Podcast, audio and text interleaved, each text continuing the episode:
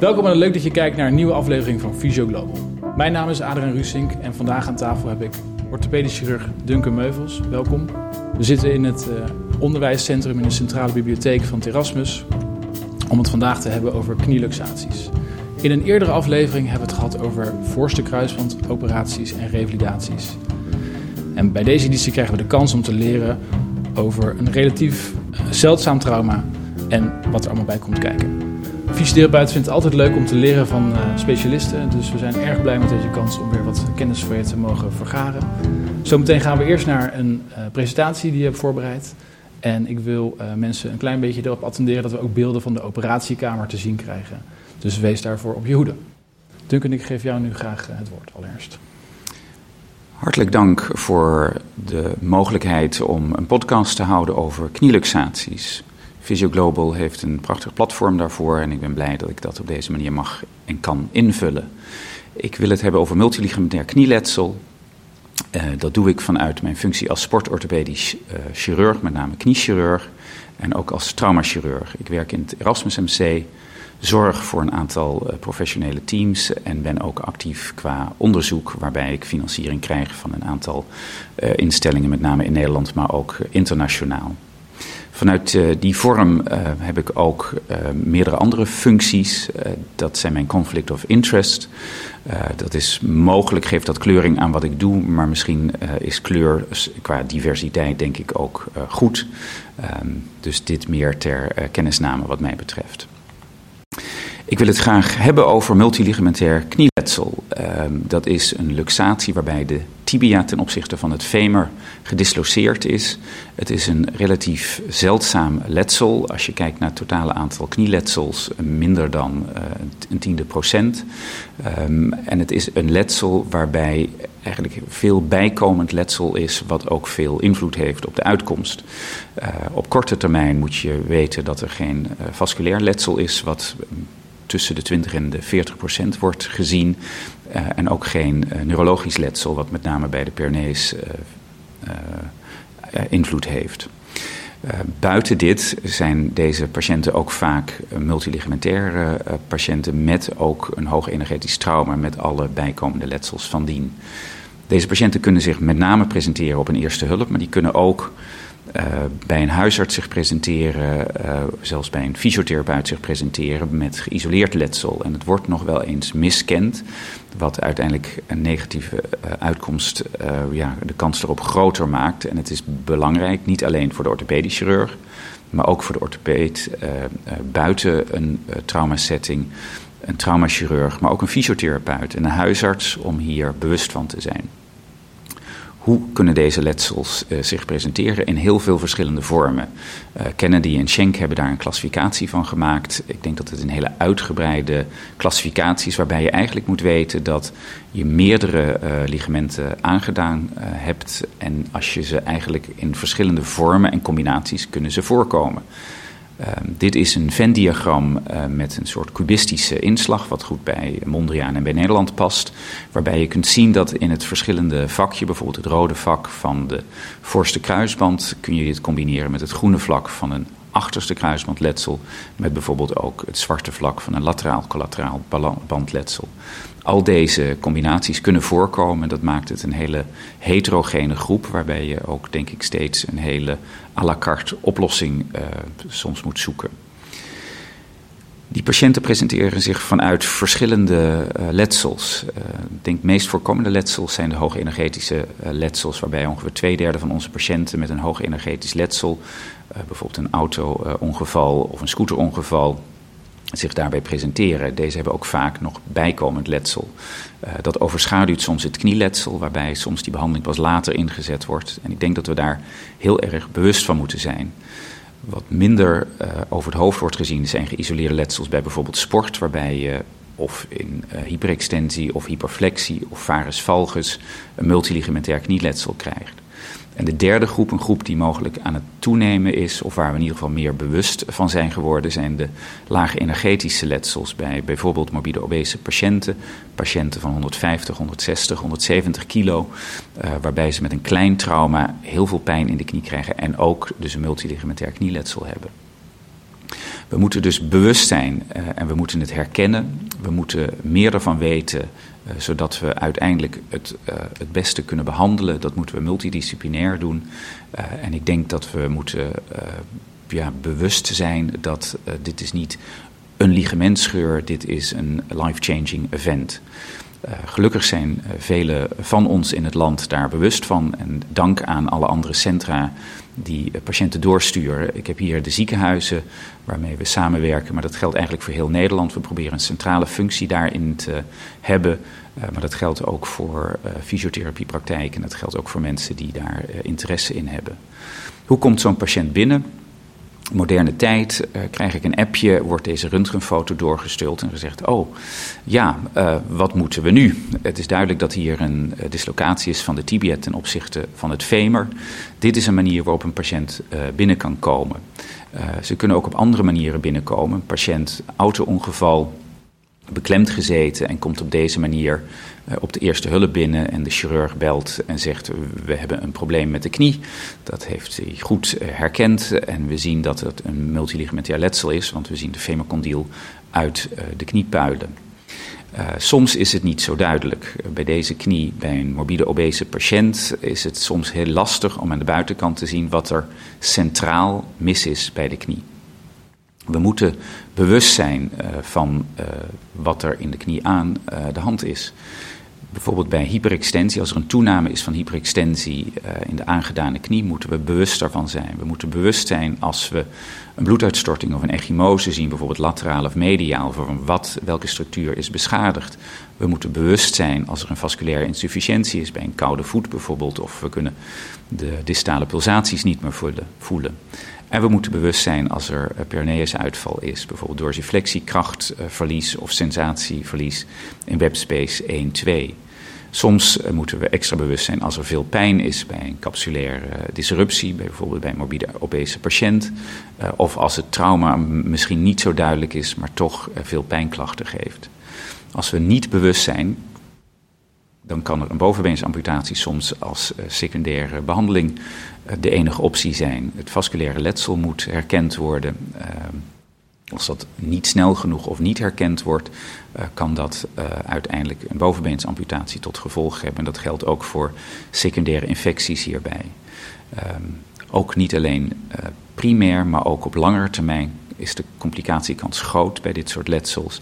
Als we alleen al kijken naar artrose, wat mm, ja, richting de 100% gaat op lange termijn. Dus we moeten ons bewust zijn. Um, we kunnen het ook om ons heen zien. We zitten bij een voetbalwedstrijd, we zitten, kunnen op de bank zitten of we kunnen uh, uh, daar uiteindelijk naar kijken. Als deze speler het uitschreeuwt en je ziet dat de knieschijf uh, gedisloceerd is, misschien is er meer aan de hand dan alleen dat letsel. je onderzoekt de patiënt, je voelt dat er meer instabiliteit is, er is mediaal bandletsel, je lachband kun je op het veld meteen al doen. Um, dus dit is een multiligamentair knieletsel waarbij je eigenlijk op het veld al de belangrijkste behandeling doet. Je reponeert een klein beetje tractie en de patella uh, reponeert zich weer. De tibia dislocatie was niet zover dat dat nodig is. Je spalkt hem en je kunt in ieder geval nu uh, verder gaan kijken en moet de volgende stappen nemen. Soms is het niet meteen duidelijk. Uh, hier bij een direct letsel blijkt er ook multiligamentair letsel aan de hand te zijn. Dat kun je gelukkig in deze situatie snel herkennen. Uh, dat kun je ook oppakken en uiteindelijk kun je, als je geïnteresseerd bent, dat ook nog een hele filmversie terugkijken. Dus ik ga niet verder op dit letsel in. Maar het is een lange weg. En het is een lange weg die veel stappen kent. Dit is een overzicht waarin we een posterformaat hebben gemaakt om eigenlijk duidelijk te maken ja, wat is het nou het traject van zo'n patiënt die binnenkomt op het, centrale punt? Dat zie je individueel hier op die groene lijn. Die komt binnen met uh, een, een klacht. Mensen om hem heen geven hem informatie of haar informatie. En je probeert die diagnose duidelijk te krijgen uh, in het ziekenhuis of ook al buiten het ziekenhuis. En je gaat een pad door, wat een chronologisch vervolg heeft, waarbij je dan keuzes hebt qua behandeling. Is dat operatief? Is dat niet operatief? Um, uh, en als je dat traject ingaat, dan zit er daarna een revalidatietraject in, wat met ups en downs gaat, waarbij je hulp nodig hebt uh, van de fysiotherapeut, van bijvoorbeeld de sportarts, die meehelpen met de begeleiding daarin. Dus dat is het traject wat de patiënt individueel doormaakt. de wetenschap helpt daarmee doordat we in groepsverband, en dat zie je bij Society, eigenlijk toevoegt wat we aan kennis hebben. En die kennis helpt om voor die individuele patiënt daar ja, kansen uh, weer te geven en de juiste beslissingen te nemen. En het valt of staat eigenlijk bij ja, de anatomie, dat is de gele lijn, waarbij je eigenlijk moet weten, ja, maar wat is nou het probleem, wat is de diagnose en hoe gaat dat traject nou door? Dus dit is een traject waar je als patiënt op zit, uh, maar dat doen we met velen. Dat doen we als multidisciplinair team. Uh, dat multidisciplinair team bestaat bij ons uit een vaatchirurg, een plastisch chirurg en ook een traumachirurg. We zijn 24-7 beschikbaar daarvoor om die uh, optimale zorg te geven. Dat is niet alleen voor die acute opvang, maar dat is ook voor het traject daarna. daar hebben we fysiotherapie, begeleiding bij nodig. Daar hebben we soms ergotherapie, daar hebben we de diëtisten soms de psycholoog uh, en soms de revalidatiearts. Vele mensen zijn ja, bij dit letsel uh, vaak nodig bij de, de, lange begeleiding hiervan. En we moeten ook weten wat we doen en kijken of we dat beter kunnen doen. Dus ook wetenschap uh, helpt ons daarbij. We hebben een pro prospectieve registratie, waarin we eigenlijk kijken hoe die patiënten het doet. En met een aantal ja, vaste determinanten stellen we vast. En we proberen dat beter te doen. En we, we moeten daar steeds meer eigenlijk van weten. Dus dit is het pad wat we opgezet hebben. En als je nou in detail kijkt hè, van wat moet je doen. Nou, in het begin moet je doen treat first, what kills first. Ik denk dat de basisprincipes hier heel goed voor gelden. Dus als de knie gedisloceerd is met uh, een klein beetje tractie, reduceert hij vaak als dit het uh, geïsoleerde letsel is. Maar soms is het niet uh, reponeerbaar. Dan zie je dat er de huid ingetrokken is en dat repositie eigenlijk niet goed gaat.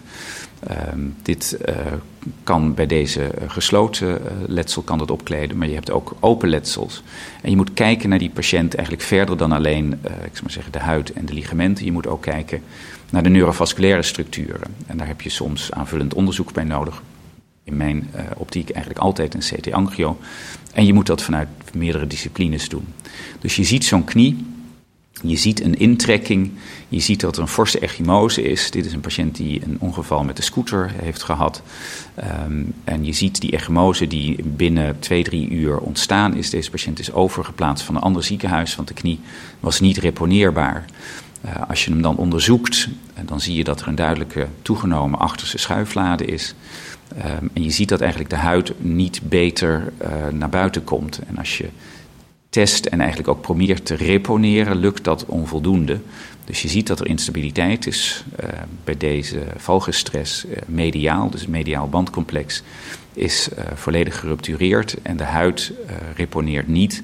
En daar blijft ook druk op bestaan. Als dit blijft bestaan, krijg je necrose, krijg je een huiddefect en krijg je uiteindelijk een open wond in het kniegewricht met alle desastreuze gevolgen van dien. Dus je moet dit soort problemen eigenlijk acuut oppakken.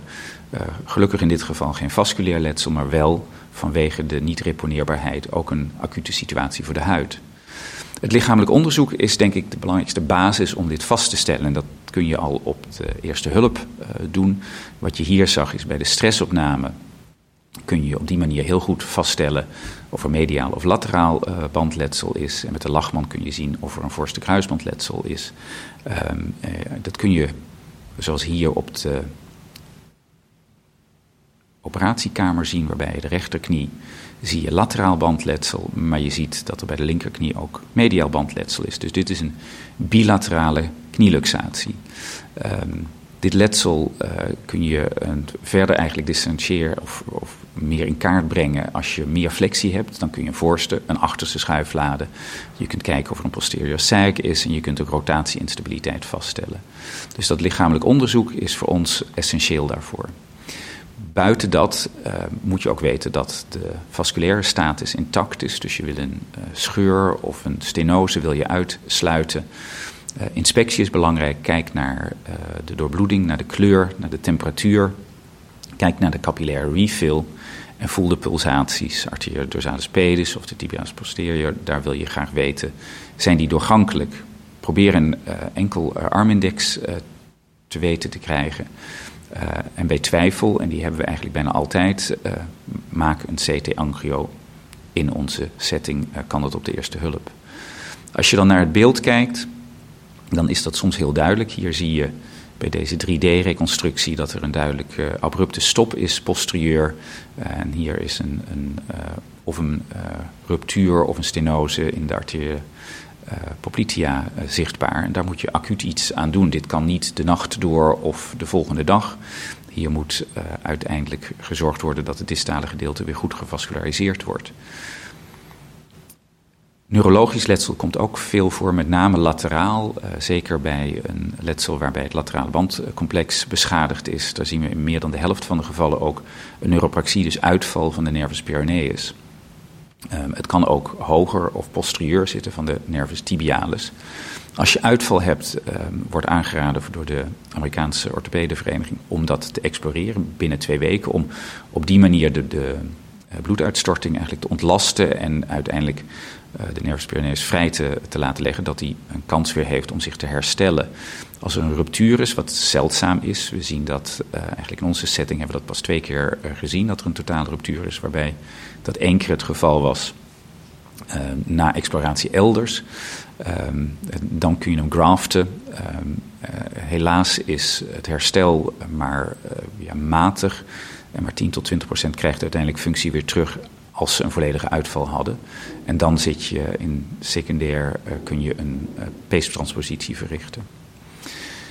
Je kunt het ook objectiveren door beeldvorming. Uh, ik heb al een aantal beelden laten zien en zal nog meer beelden laten zien dat de röntgenfoto sluit fracturen uit, kan avulsies zichtbaar maken en kan ook zien wat voor dislocatie er is.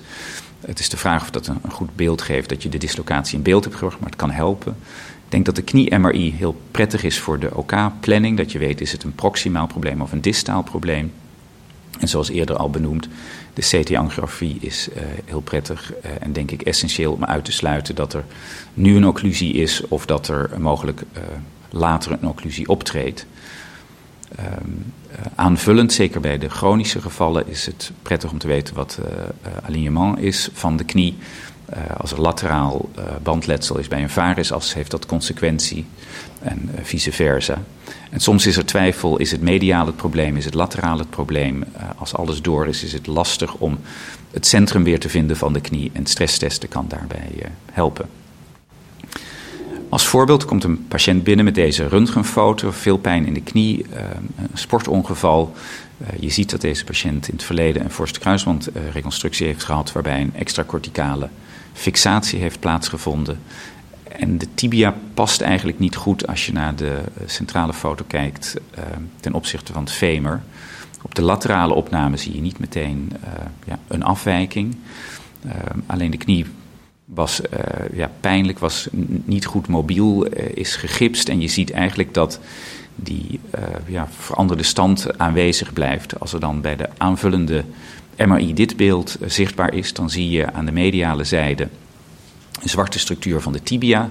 Die gaat eigenlijk om de condyl uh, heen. En dat zou bijvoorbeeld de mediale band kunnen zijn. In dit geval was het hamstringcomplex, uh, waarbij de semitendinosus en gratius eigenlijk voor of naast de condyl uh, gedisloceerd zijn. En dat maakt het eigenlijk ook onmogelijk om zo'n knie te reponeren. Dus deze patiënt werd op korte termijn gereponeerd en geopend. En hier zie je de foto peroperatief, waarbij je ziet, waar is een mediane incisie, de patelle is naar lateraal weggehouden en je ziet uh, de condyl, dit is een, een, linkerknie, en dan mediaal zie je dat het hele mediale complex eigenlijk geavulseerd is uit uh, de, de waarbij uh, je uiteindelijk ook ziet dat de voorste kruisbandreconstructie uit de tunnel getrokken is. als je die dan op die manier reconstrueert. Dus een nieuwe voorste kruisband, het bandcomplex, uh, nog niet eens uh, reconstrueert. Heb ik het verkeerde knopje geduwd? Ja. Dan zie je als je hem test dat je uiteindelijk weer een mooie stabiele situatie hebt. Dus in dit geval is reconstructie uh, denk ik belangrijk, waarbij we eigenlijk voor elke band de anatomie willen reconstrueren. We willen de insertie weer terugkrijgen waar die zat daar op die manier een normaal spanningspatroon voor, de, voor die band uh, reconstrueren. Waarbij je een normaal functionerende knie en uiteindelijk hopelijk ook een vermindering of misschien wel helemaal preventie van secundaire letsels optreedt. Dat is lastig, dat weten we al bij een geïsoleerd letsel zoals een voorste kruisband. Waarbij misschien dat het beste doen in dit voorbeeld, waarbij bij een eminentiafractuur we het ossale fragment weer kunnen reponeren en de band eigenlijk intact blijft. Maar dat zijn uitzonderingssituaties. we kunnen op die manier reinsereren en vaak moeten we ook bij de multiligamentair letsel moeten we reconstrueren. Als een patiënt binnenkomt met een, een röntgenfoto waarbij duidelijk is, uh, dit is nog in een spalk uh, de foto gemaakt, er is uh, nog niet gereponeerd of geen tractie gegeven. En je ziet dat uiteindelijk deze tibia niet goed onder het femur staat. Je reponeert hem. Op die manier is het alignement weer hersteld, maar de instabiliteit blijft bestaan moet je dat operatief oppakken. We weten eigenlijk dat bij geïsoleerd letsel, en dit is een uh, grafiek uit onderzoek wat we dit jaar hebben gepubliceerd in de British Medical Journal, waarin we gekeken hebben naar de behandeling van geïsoleerd voorste kruisbandletsel. En daarbij blijkt dat ongeveer de helft van de patiënten kunnen zonder een voorste kruisband het niet operatief kunnen een goede functie terugkrijgen. Ik denk dat een multiligamentair knieletsel een hele andere groep is. Uh, we hebben helaas uh, daar nog geen RCT's van, nog niet uh, landelijk vanwege de kleinere aantallen waarmee we de patiënten zien. Dus we moeten dat groter aanpakken, maar mijn ervaring is dat dit een veel groter letsel is waarbij je eigenlijk moet zorgen dat die tibia goed onder het femur blijft bestaan en staat en ook weer functioneerbaar wordt. En daarbij is uh, uiteindelijk een reconstructie belangrijk. als je kijkt hoe ze dan gepresenteerd worden, dit is een uh, knie van een patiënt die uh, vaatletsel had en een VKB, AKB, laterale en medial bandletsel had, een instabiele knie. Het vaatletsel is acuut gereconstrueerd door middel van een bypass in een ander centrum. Toen hebben ze voor de bescherming eigenlijk van de, de, vaatreconstructie deze externe fixateur geplaatst. Wat denk ik een goede oplossing was voor een instabiele knie met een vaatletsel. Alleen het creëert ook voor de uiteindelijke oplossing problemen. Het probleem in zoverre is dat sommige externe fixateurs niet MRI-compatibel zijn. Je kunt niet goed vaststellen wat nu de instabiliteit uh, hiervan, uh, van deze knie is met deze externe fixateur. Dus je moet hem loskoppelen en onder narcose onderzoeken en dan kun je een definitief plan maken.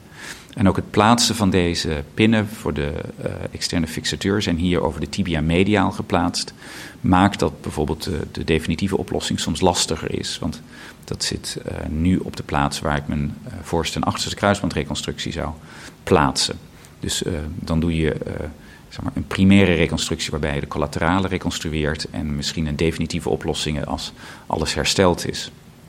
Dus je moet à la carte kunnen oppakken, dit soort problemen. Als we bijvoorbeeld hier als voorbeeld kijken naar verschillende chirurgische technieken en dit is uit een review die alleen gekeken heeft naar lateraal bandletsel, dan zie je dat er heel veel verschillende techniekmogelijkheden zijn, die vanaf een verschillende basis eigenlijk ingezet eh, zijn. En je moet eigenlijk ja, van de meeste of alle op de hoogte zijn wat de voor- en de nadelen zijn en kijken wat passend is. En als je ze dan indeelt en bijvoorbeeld kijkt naar een, een wat uh, zeg maar techniek waarbij je één sling gebruikt om de laterale band te reconstrueren, het linkerplaatje laat de techniek volgens Larsson zien en de rechter laat de techniek volgens Archero zien, dan is dit uh, voor een geïsoleerd lateraal bandletsel een prima oplossing.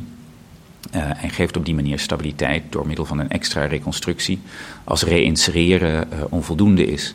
Soms is er ook meer rotatieinstabiliteit en dan moet je ook op de hoogte zijn dat je ook op die manier bijvoorbeeld het popliteus of popliteofibulaire complex reconstrueert. Dit is volgens Laprade waarbij je de popliteus space eigenlijk ook reconstrueert en er een popliteus band eigenlijk van maakt. Je moet heel goed op de hoogte zijn van de vorm en de anatomie. Die is verschillend qua letsel, maar de patiënt is ook verschillend. En we, hebben, uh, ja, uh, we willen daar meer over weten. We zijn anatomische studies aan het doen. En dit is een plaatje van een CT waarbij we op een kadaver hebben gemarkeerd waar dan de laterale band in het femur uh, insereert, de popliteus space. Je ziet in dit plaatje, zie je ook nog centraal de voorste en achterste kruisband.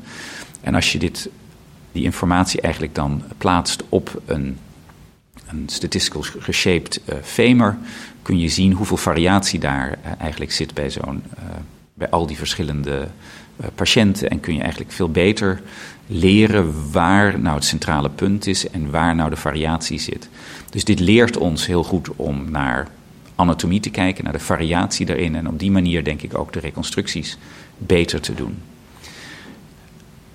Afsluitend wil ik graag een voorbeeld uh, geven over ja, het, individuele verschil. Dit is zoals dan een CT werd doorgestuurd, waarbij duidelijk zichtbaar is dat de linkerknie qua positie uh, suboptimaal uh, staat, gedisloceerd is. Je ziet er heel veel fragmenten die van de patella afkomstig zijn. dus een cognitieve patellafractuur en een dislocatie van het tibiofemorale gewricht, waarbij er dus ligamentair letsel moet zijn. Uh, het is fijn dat er een CTA gemaakt is. Niet laat als je van posterieur zien, zien dat uh, er heel veel kapot is. Maar gelukkig is de arterie intact. En gelukkig bij deze patiënt, het is bijna niet voorspelbaar, uh, voorstelbaar. Maar de nervus was ook nog intact. Maar je ziet zelfs fragmenten van de patella posterieur van de condylen liggen. als je dan aanvullend met een MRI, wat in het andere centrum werd gemaakt, deze beelden ziet, dan zie je dat de tibia eigenlijk niet onder het femur ja, terugkomt. En je ziet weer een structuur eigenlijk tussen de condylen doorlopen. Dus hier was ook de hamstringpezen waren gedisloceerd. Uh, als je zo'n knie dan onderzoekt, en dit is op uh, OK, dan uh, zie je bij de achterste schuiflade dat er een hele ruime achterste schuiflade is. niet alleen door het achterste kapsel en achterste kruisbandletsel, maar ook omdat het extensorapparaat volledig ja, kapot is met een hele cognitieve patellafractuur. Bij mediane incisie, die denk ik de beste benadering is hier, want je moet die patellafractuur uh, ook herstellen. Als je geen actief strekapparaat hebt, is het heel moeilijk om functioneel een goede knie te krijgen. En je wil die banden reconstrueren. Dus als je hem dan opent met een incisie, dan krijg je ja, eigenlijk een prachtig uh, beeld van de vorm. En je kunt op deze manier meteen eigenlijk zien waar alles losgetrokken is. Dus uh, dit is. Um, boren van het gat voor de femorale tunnel van de VKB. Waarbij als we dat normaal gesproken doen we dat scopisch. Dan zijn we in 2D aan het kijken waar nou heel mooi die insertie is. En dat is uh, op deze manier een heel stuk makkelijker. Dus ik ben overtuigd dat ik hier een anatomische reconstructie heb gedaan. Als je alles hebt gedaan wat uh, op zich niet eens heel veel meer tijd uh, kost dan een scopische reconstructie, kun je eigenlijk meteen kijken wat het effect is en heb je een stabiele knie dit is nog maar het begin, dan begint het hele traject daarna, waarbij het zo belangrijk is dat we dat gezamenlijk doen. En dat moeten we doen. En nadat de wond genezen is, de patellafractuur moet in dit geval genezen. En we moeten dan uh, samen een plan opstellen en zo'n patiënt begeleiden. Dat is een lang traject waarbij uh, de patiënt goed begeleid moet worden. Waarbij we eerst naar een, verstijving van de knie gaan en dan uiteindelijk naar een mobilisering van die knie. En zorgen dat hij niet een instabiele knie krijgt, maar ook niet een, een knie. En dat is een, kwestie van samenwerken uh, tussen de verschillende disciplines. En het is essentieel dat, dat de lijnen van fysiotherapeut en orthopeed daar heel kort bij zijn. Dus ik zou willen zeggen, uh, ben je bewust van dit letsel, herken het, uh, weet wat je behandelt, uh, doe dat in een uh, teamverband. En dit is niet een, een, een, alleen een letsel, dit is echt een life-changing event. Ik denk dat we deze uh, verschrikkelijk letsel, dat we dat, hoe zeldzaam die misschien ook is, als je daarnaar kijkt, dat het toch gemist wordt. We moeten dat centraliseren. En ik denk dat voor anderen overweeg verwijzing. Um, dan wil ik afsluiten bij, dit is het beeld van de patiënt die je net op de stretcher zag liggen. Hier is nog niks chirurgisch gedaan, maar je ziet hoe instabiel zo'n gewricht uh, is. Uh, de patiënt had ook niet alleen dus een bandletsel, maar ook dit huidletsel en een patellapeesruptuur.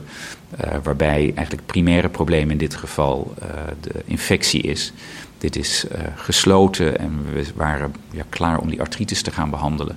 En uiteindelijk is dit, met dit sluiten, is dit uiteindelijk weer een belastbare knie geworden. Dit doen we samen. We zijn een centrum daarvoor begonnen um, vanuit het Erasmus MC. We doen dat in samenwerking met. Um, we hebben een website. Um, en ik ben heel blij dat we deze podcast samen met Visio Global op mogen zetten.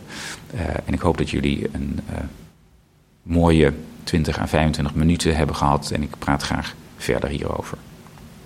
Hartelijk dank.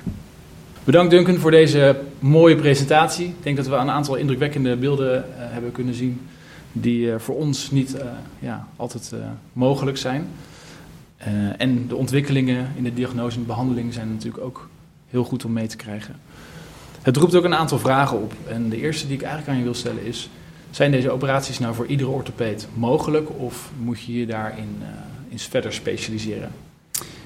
Uh, ik denk dat iedere orthopeed dit zou uh, kunnen doen, maar ik denk wel dat uh, niet ieder of de meeste orthopeden niet in een setting zitten waarbij ze de ervaring en de expertise op kunnen bouwen.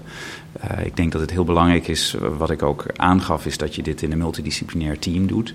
En ik denk dat ik puur naar, als ik naar het chirurgische voor de ligamentreconstructies, moet je in een setting zitten en dus de ervaring hebben dat je zowel een, een traumapatiënt uh, goed en adequaat op kunt vangen, maar dat je ook uh, heel erg uh, ja, thuis bent in niet alleen een voorste kruisbandreconstructie of een achterste kruisbandreconstructie of een laterale bandreconstructie, maar in al die facetten daarvan en dat ook op die manier ja, oppakt. Dan heb je het operatieve gedeelte, wat denk ik belangrijk is qua ervaring. Maar je moet ook in een setting zitten waarbij je het hele traject eigenlijk kunt vervolgen. Dus ik denk dat uh, vanwege uh, het voorkomen hiervan dat er weinig centra in Nederland of in de wereld zijn die daar ja, voldoende expertise mee op kunnen bouwen. En ik ben heel blij dat deze setting dat wel mogelijk maakt. Ja, oké, dat snap ik. Dus de, de grootte van, van de, de, het centrum eigenlijk bepaalt wel een beetje of het toepasselijk is. Ja, dus het ligt niet aan, ik zou maar zeggen, dat, dat een bepaalde orthopede een bepaalde gave moet hebben, maar die gave moet hij wel op de goede plek kunnen uiten. Ja. In de presentatie komt naar voren dat, een, uh, dat heel erg van belang is dat een vroege diagnose wordt gesteld. Dat we op tijd weten wat er precies gebeurd is. En dat het soms wat moeilijker is om dat uh, aan het licht te brengen. Zou je kunnen, kunnen uitbreiden waarom het dan zo belangrijk is om in die vroege fase al de juiste diagnose te hebben? Ja, ik, ik, denk wat ik aangaf is dat dat geldt met name voor het vasculair letsel. Ik denk dat dat, dat is echt een kwestie van uh, uren dat we daar uh, duidelijkheid in moeten hebben. Ik denk dat uh, voor een, een, niet bedreigd been, waar dus geen vasculair letsel, is het wel heel belangrijk voor de uitkomst van zeg maar, het terugkrijgen van functie. En met name qua het doorschieten van instabiliteit, dat je bewust bent dat inderdaad er zit een periode dat je operatief iets kunt doen. En dat, dat ligt met name aan het letsel van de collaterale meer nog lateraal dan mediaal. Lateraal doet het minder goed. Als je dat uh, letsel pas na drie weken ziet, is het operatief heel veel lastiger om daar structuren te herkennen. De nervus peroneus zit in het, het littekengebied. Die is veel moeilijker te, te, herkennen. De kans dat je letsel krijgt van die nervus peroneus is dan groter. Dus voor mij is het tijdsinterval, ik moet echt het operatieve traject uh, in kunnen binnen twee weken. En dat houdt in dat ik ze dus eigenlijk daarvoor al moet zien. Uh, dat geldt voor lateraal. Centraal heb je misschien iets meer tijd en kun je dat ook in tweede instantie misschien nog wel oppakken. Maar goed, uh, ja, je moet dat onderscheid maken. Dus daarom voor iedereen zou ik zeggen, de, de, gouden termijn is wat mij betreft binnen twee weken diagnose en behandeling ingezet. Ja, dat zagen we natuurlijk ook wel in de presentatie al terugkomen. Ja. Nou is dit een, een, een gecompliceerde operatie en misschien hebben sommige mensen een beetje de neiging om toch dan dit te gaan vergelijken met een voorste kruisbandreconstructie. Omdat het ook een bandplastiek is natuurlijk die gezet wordt. Um, hoe lang duurt zo'n operatie, zo'n normale voorste kruisbandoperatie versus een eventuele multiligamentaire reconstructie? En mogen we dat überhaupt wel in hetzelfde vakje plaatsen? Ja, een voorste kruisbandoperatie uh, die arthroscopisch wordt gedaan, zit ongeveer qua operatietijd, praat je over gemiddeld iets van 60 minuten. Uh, dat is bij multiligamentair letsel, uh, ben je die 60 minuten kwijt, alleen je bent veel meer kwijt. je doet meerdere banden. Een deel kun je soms niet scopisch doen, uh, collateralen zijn vaak open. dus als je kijkt naar een gemiddelde tijd, ja, die is er eigenlijk niet, maar je zit ergens tussen twee en vijf uur eigenlijk over het algemeen. Waarbij er allerlei gecompliceerde of complicerende factoren zijn. Hoe stabiel is die patiënt? Heb ik die operatietijd? Gebruik die bloedverdunnings voor die vaatreconstructie? Uh, heb ik wel of niet bloedleegte? Uh, dus al die dingen maken de, de operatietijd heel variabel. Het is een hele heterogene groep waarbij ja, één aspect lijkt op die voorste kruisband. En de acht andere absoluut niet duidelijk. Kan het dan ook zo zijn dat er uh, meerdere disciplines uh, om de operatietafel staan? Dat er ook een neurochirurg bij staat of een, uh, een vaatchirurg bijvoorbeeld, ten tijde van de, dezelfde ingreep? Ja. Of wordt dat altijd gesplitst? Nee, het, het, het kan gecombineerd worden. het is soms wel lastig als we op hetzelfde zeg maar, gebied aan het opereren zijn. als er een graft geplaatst moet worden voor een peroneesletsel bijvoorbeeld, zou de plastic chirurg dat aspect en dat deel kunnen doen. Dat kun je, vaak is dat het prettigst om dat samen te te plannen. we doen het regelmatig voor het vaatletsel, waarbij de vaatchirurg eerst gaat en ik in tweede instantie dan instap. Waarbij eigenlijk bij de planning het al goed is dat de vaatchirurg weet wat ik doe. Soms oogt ik al de hamstring graft en dan komt hij dan aan die mediale zijde. Dus er zit heel veel combinatiewerk in. Ja. Oké, duidelijk. Wat uh, mij verder opviel aan je presentatie is dat we eigenlijk zien dat uh, in ieder geval in het Erasmus, sinds jullie deze gegevens zijn gaan verzamelen, dat er uh, best wel ongeveer gelijke aantallen zijn van mensen die van het sportveld afkomen, als mensen die obese zijn en deze, deze knieluxatie eigenlijk doormaken. Ja. Is dat een recente ontwikkeling? Is dat iets nieuws? Of? Uh, ja, dit, zijn onze cijfers. Uh, uh, ik doe dit ondertussen 15 jaar. Het valt mij op dat de, zeg maar, vanuit het land worden, ehm, denk ik, de mobiele obese patiënten makkelijker ook verwezen. Het is een, een, een, ja, om een aantal redenen lastiger. Je hebt een patiënt die een groter operatierisico heeft. Je hebt een patiënt waarbij je soms scopische dingen niet kunt doen. Dus het wordt eerder herkend als het letsel herkend wordt van hé, hey, maar dit is een, een uitdaging. Uh, ik denk dat bij een aantal uh, letsels, qua sportletsels, sommige uh, ziekenhuizen of artsen denken, nou dat, dat, kan ik ook, of hier heb ik ook de expertise voor, dan houden ze dat bij. Dus ik denk dat het cijfer wat wij hier zien niet helemaal representatief is van wat de, de incidentie is. Maar het is denk ik, obesitas is een, een groot probleem voor ja, de maatschappij. Ik denk dat het probleem ook groter wordt en je ziet denk ik ook dat dit daarbij ja, waarschijnlijk toe aan het nemen is. Ja. Nou, bij sportletsels en bij hoge energetische trauma's kunnen we wel een goed, uh, goed beeld uh, vormen, denk ik, van hoe het letsel ontstaat. Hoe is dat bij de obese groep? Ja, soms ook met hetzelfde. Ik uh, heb twee weken geleden een, werd mij een, patiënt overgedragen van een ander ziekenhuis en werd gezegd: Oh, maar we hebben een tennisser en die heeft een overstrekkingsletsel. En toen we uiteindelijk navroegen, maar hoeveel weegt die uh, tennisser dan en wat zijn de, de comorbiditeiten, bleek de tennisser 160 kilo te wegen. Uh, waarbij dit ja, zowel een, een letsel bij sport uh, als bij een morbide obese patiënt is dat eh, is eerder regel dan, of eerder uitzondering dan regel. Het zijn vaak kleine letsels, dus het zijn soms herkent de patiënt zelf het letsel ook niet. Gewoon een afstapje van een stoeprandje uh, of, of, een snelle draai uh, kunnen soms al voldoende zijn. Ja, het is dus een hele ongelukkige samenloop dat er zoveel kracht op dat ligamentapparaat komt waarbij je dit letsel krijgt. Ja. En misschien ook een groep die iets moeilijker te onderzoeken is als wij die als fysiotherapeut ontvangen in onze praktijk. Ja. Dan uh, heb je en al een zwaar been en iemand die een beetje afweerspanning heeft natuurlijk. Ja. En uh, misschien ook nog een beetje het, het, feit dat we lief willen zijn en niet te veel zeer willen doen bij degene die daar ja. ligt. Dus is dat dan ook de groep die het meest gemist wordt? Is dat dan de groep waarbij je toch vaker ziet dat het pas later aan het licht komt?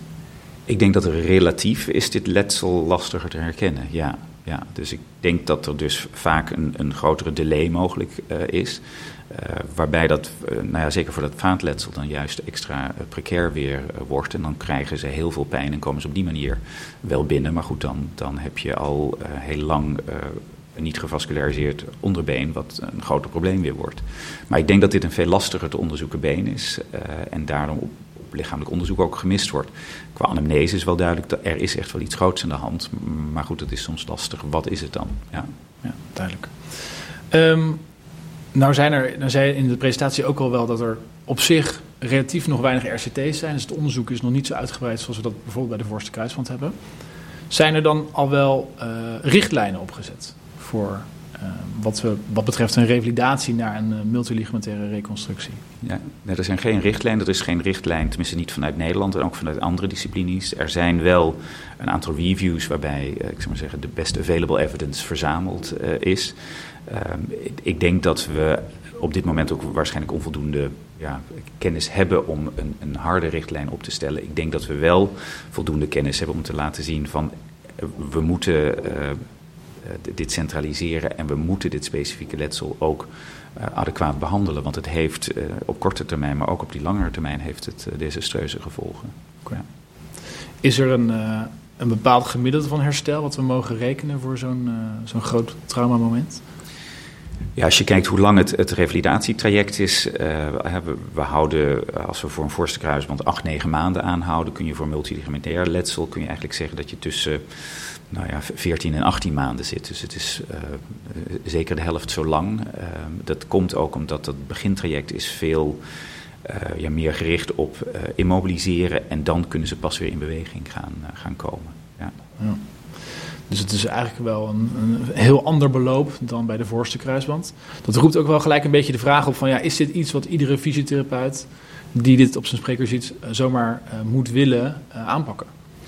Uh, ik hoop dat de, de wil bij iedereen daar is. Ik, ik denk wel dat die expertise is veel ja, beperkter te krijgen. Het is echt een andere groep. bij een voorste kruisband weten we dat uh, brace niet bijdragend is, dat immobiliseren eerder alleen beschermen is. En in deze groep moeten we echt, ja, de behandeling is, we moeten eerst zorgen dat we een stabiele knie hebben, dat we die knie beschermen. Ze worden geïmmobiliseerd met, soms met gips of als er een adequate bracing mogelijk is, doen we dat met een brace. Ze mogen uh, een stuk minder uh, belasten. Dus de eerste zes weken uh, is echt gericht op ja, verstijving. Waarbij het probleem dan is, als je die verstijving eenmaal hebt, wat prettig is tegen die laxiteit, uiteindelijk willen we weer mobiliteit krijgen. En dat moet je dan weer in gaan zetten. dus het is continu een strijd eigenlijk tussen te lax en te artrofibrotisch. Ja. ja. Het is moeilijk om daar misschien uh, goed de balans in te vinden. Ja. Um, zijn er dan ook nog verschillende resultaten te verwachten naar aanleiding van het, uh, het traumamoment? Dus iemand die inderdaad uh, een auto-ongeluk heeft versus iemand die het stoeprandje mist, maar ja. zelf overgewicht heeft. Is ja. Daar... Het is een, een hele uh, uitdagende groep, omdat ze, wat ik probeerde duidelijk te maken, het is een ontzettend heterogene groep. Dus als je een multitrauma-patiënt hebt met een knieletsel, de andere letsels, of dat een fractuur van het andere been is of een neurotrauma, beïnvloedt je revalidatie van, van die knieluxatie. Dus je moet daar continu, continu moet je kijken van ja, maar wat zou ik het liefst voor mijn knie willen, maar wat uh, past bij die patiënt. En dat geldt voor de, de multitrauma. Dat geldt ook voor de mobiele obese patiënt. Uh, je zou heel graag uh, die mobiel willen krijgen, maar het is natuurlijk al een uitdaging als je maar op één been kunt belasten, laat staan als je één been hebt en je weegt 160 kilo. Uh, dus dat maakt het lastiger. Ook de bilaterale uh, knieluxatiepatiënt, uh, je hebt geen, geen andere mogelijkheid om meer te belasten. Dus het is steeds aanpassen op en dat maakt het traject zeker in het begin veel lastiger. En dan moet je later weer kijken, ja maar hebben we dan ja, mogelijkheden verloren en kunnen we dat dan weer bijsturen. Dus het blijft continu ja, opletten, aanpassen en, en à la carte. Okay. Nou, als het normaal gesproken als wij natuurlijk iemand doorverwezen krijgen, dan krijgen we ook wel redelijk goed uh, door wat de verwachtingen zijn qua nabehandeling. Dus iemand krijgt een brace, voor hoe lang is dat en wat zijn de restricties en hoe mogen we het opbouwen. Is er een bepaalde valkuil of een veelgemaakte fout waar we bij dit soort revalidaties rekening mee moeten houden? Nou, we, hebben vanuit onze eigen ervaring eigenlijk al gezien dat de, de, de uitdaging zit om aan de ene kant wil je uh, stabiliteit, dat is waar de operatie op gericht is. En je wil aan de andere kant wil je juist weer uh, bewegelijkheid krijgen. We weten eigenlijk bij alle uh, behandeling, of dat fractuurbehandeling is of ligamentbehandeling, dat vroeg belasten, vroeg mobiliseren, dat dat uiteindelijk de uitkomst ten goede komt. En daar, die balans is, is veel lastiger, ook door die comorbiditeit, bij deze groep te vinden. Ja. Oké, duidelijk. In de presentatie komt verder naar voren dat ongeveer 90% van de mensen die dit doormaakt, uiteindelijk te maken krijgt met slijtage van het gewricht. Zijn er aan de hand daarvan die gegevens nog uh, restricties die jij meegeeft? Van nou, doe vooral dit niet. Uh, let hier op bepaalde sporten niet, bepaalde activiteiten bijvoorbeeld niet? Um, ja, uh, als je ziet natuurlijk dat het, zeg maar, de, de, secundaire veranderingen, zeker op artrosegebied, bij zo'n groot gedeelte, waarschijnlijk denk ik eigenlijk bij iedereen gaat optreden. We kunnen nog niet zo goed voorspellen bij wie ze symptomatisch zullen zijn, maar radiologisch treden ze op. Wat we wel weten bij artrose is dat mobiel zijn, zorgen dat je in beweging blijft en dat je op die manier zorgt dat je, je bovenbeensmusculatuur sterk is, zijn allemaal gunstige ja, voorwaarden voor een artrotische knie. Dus dat proberen we ook echt te stimuleren. Dus we proberen die, die patiënt, ook die mobiele base patiënt, om die weer mobiel te krijgen en in beweging te houden. Hopelijk zelfs meer nog dan ze van tevoren deden. En daar, daar zit wel een uitdaging. Dat is minder bij de, qua uitdaging bij die sportieve patiënt of die, die topsporter. Die heeft die drive zelf. Maar goed, dan moeten we hem ook ondersteunen en soms misschien wel uh, beschermen dat uh, hij een verhoogd risico heeft. Ja. ja. zeker bij dit soort grote momenten, grote traumamomenten, dan duurt de revalidatie vaak ook wel wat langer. En bij een, zoals je het nu benoemt, bij een sporter die op, uh, op topsportniveau acteert, die is gemotiveerd. Maar in de praktijk merken we nog wel eens dat het best wel lastig is om mensen die langer lopen, dus je gaat dan toch richting anderhalf jaar, om die gemotiveerd te houden. Uh, jij ziet natuurlijk mensen ook nog na deze operatie. Heb je daar nog invloed op? Doe je daar nog iets mee om mensen toch een klein beetje uh, ja, te, te, stimuleren om uh, er hard aan blijven werken? Waar soms een beetje de motivatie kan zakken? Ja, nou, het hele traject, ik, ik, denk dat dat voor, dat zeg ik ook van tevoren, het, is een traject waar we ja, nu aan beginnen, maar we zitten aan elkaar gebonden voor de komende anderhalf jaar. En in het traject gaan we, ja, we zitten nu op rock bottom, daar komen we uit. Maar we gaan nog wel een paar hindernissen uh, samen tegenkomen. En dat uh, komen ze uh, in de gesprekken met mij, maar ook met de begeleiding met de fysiotherapeut met name tegen. Die in, tijdens dat revalidatietraject een veel ja, frequentere, hechtere band heeft. En, en daar ook echt ja, mee geconfronteerd wordt en ook mee moet helpen. Ehm, ja, dus het is een lange weg. Ja. Ja, ik denk dat het, dat wel herkenbaar is. Het is natuurlijk wij hebben de meeste contact met patiënten vaak vanuit onze rol. Dat is een voordeel, maar daarbij komt ook dat we inderdaad eh, wel uh, op andere dingen ook uh, ja, soms ondersteuning kunnen en willen en moeten bieden. Um, bij zo'n groot traumamoment kan ik me voorstellen dat als, als iemand dat ziet en meemaakt en de pijn heeft daarvan, dat ze ook best wel ja, een, een life-changing event, zoals jij het noemt, een groot trauma doormaken. Is er nog, los van de fysieke begeleiding die ze krijgen, is er standaard ook iemand betrokken die ze um, eh, los van de fysiotherapeut die ze week in week uit toch vraagt hoe het gaat. Of ze, of ze standaard ook begeleid worden door een, uh, door een specialist daarin? Um, standaard niet. De, er is nog geen standaard, uh, helaas. Um, ik denk dat we wel steeds duidelijker hebben hoe multidisciplinair dit is. dus we hebben wel in, in instanties ja, hulp op andere vlakken gevraagd, waaronder bijvoorbeeld psychologische begeleiding, waarbij dat soms ja, zo'n verandering teweeg brengt dat uh, extra hulp nodig is. Ik denk dat heel veel aspecten in ieder geval ook herkend worden en soms ook wel gestuurd kunnen worden, alweer door, zoals ik zeg, dat frequente contact wat je hebt met de fysiotherapeut. Mm -hmm. Maar dat, dat soms uh, ja, aanvulling daar ook belangrijk voor is. Ja. Duidelijk. Oké. Okay. Had je, los van wat je in de presentatie al gezegd hebt, nog andere dingen die je graag mee wil geven als fysiotherapeuten uh, die, die nu luisteren? Van nou, wat, uh, wat moeten we nou doen in de diagnostische fase of juist in de behandeltraject waar we echt uh, voor moeten waken of tips aan hebben? Nou, ik hoop dat iedereen uh, ziet hoe, ik zou zeggen, eigenlijk fantastisch het ingevricht is, maar dat daar heel veel verschillende dingen mee aan de hand kunnen zijn. En ik denk bewustzijn van, het, er is niet een standaard letsel en er is ook niet een standaard behandeling. Ik denk dat dat heel belangrijk is. ik denk een ander aspect waar we het over gehad hebben is die life-changing event. Ik zie ook wel dat door de, de begeleiding en het intense contact wat je hebt, en ook samen met de fysiotherapeut, dat het, het heeft ook soms onverwachte uh, positieve effecten. Dus we hebben een aantal uh, patiënten gehad die uh, dit echt wel als trigger hebben gezien om hun leven anders in te, te gaan richten en soms moeten inrichten. Dus we hebben een aantal patiënten gehad die echt 80, 90 kilo zijn kwijtgeraakt, omdat ze nu veel beter begeleid worden en zijn ze nu ook al hebben ze een knie die niet meer uh, dezelfde knie is als van tevoren, is, zijn ze mobieler geworden dan dat ze dat van tevoren waren. Um, dus uh, ja, sommige tegenslagen geven ook wel weer hoop. Dus ik uh, ja, hou daar in ieder geval zelf aan vast. Ik kan me voorstellen dat het een heel belonend proces is op die manier. Als we, als we ja, soms uiteindelijk wel, met heel veel tegenslagen van tevoren. Ja. En is die zorg, die nazorg, zoals je hem nu omschrijft, is dat nog ergens geregeld? Is er, uh, werken jullie samen met bepaalde praktijken om, uh, of hebben jullie een netwerk aan, aan, aan praktijken waar je mee samenwerkt? Ja. Om dit zo te, te stroomlijnen eigenlijk? Ja, wat we doen, wat we dus zelf gemerkt hebben in het ziekenhuis, het is multidisciplinair. Dus we, we hebben dat in het ziekenhuis al gezocht en we hebben ook uiteindelijk de expertise ook in het ziekenhuis gehaald voor dat revalidatietraject. Uh, want dat doen we um, eigenlijk maar een heel beperkt gedeelte in het ziekenhuis. Dus de fysiotherapie is daar heel uh, belangrijk bij. En we zien ook dat het lastig is voor een fysiotherapeut om de ervaring hierop op te doen. Dus we proberen een, een soort model te maken met, uh, ja, we noemen het een hub en spoke. Dus je hebt een, een, een centrum wat de expertise heeft, die samenwerkt met uh, centra door het land heeft. Want de patiënten komen vanuit uh, ja, zeg maar zeggen, Nederland en zelfs het buitenland hier naartoe. Om op die manier het ook praktisch in te vullen. Want het is niet altijd praktisch voor de patiënt om één keer, soms twee keer of later één keer per maand steeds naar, naar Rotterdam te komen.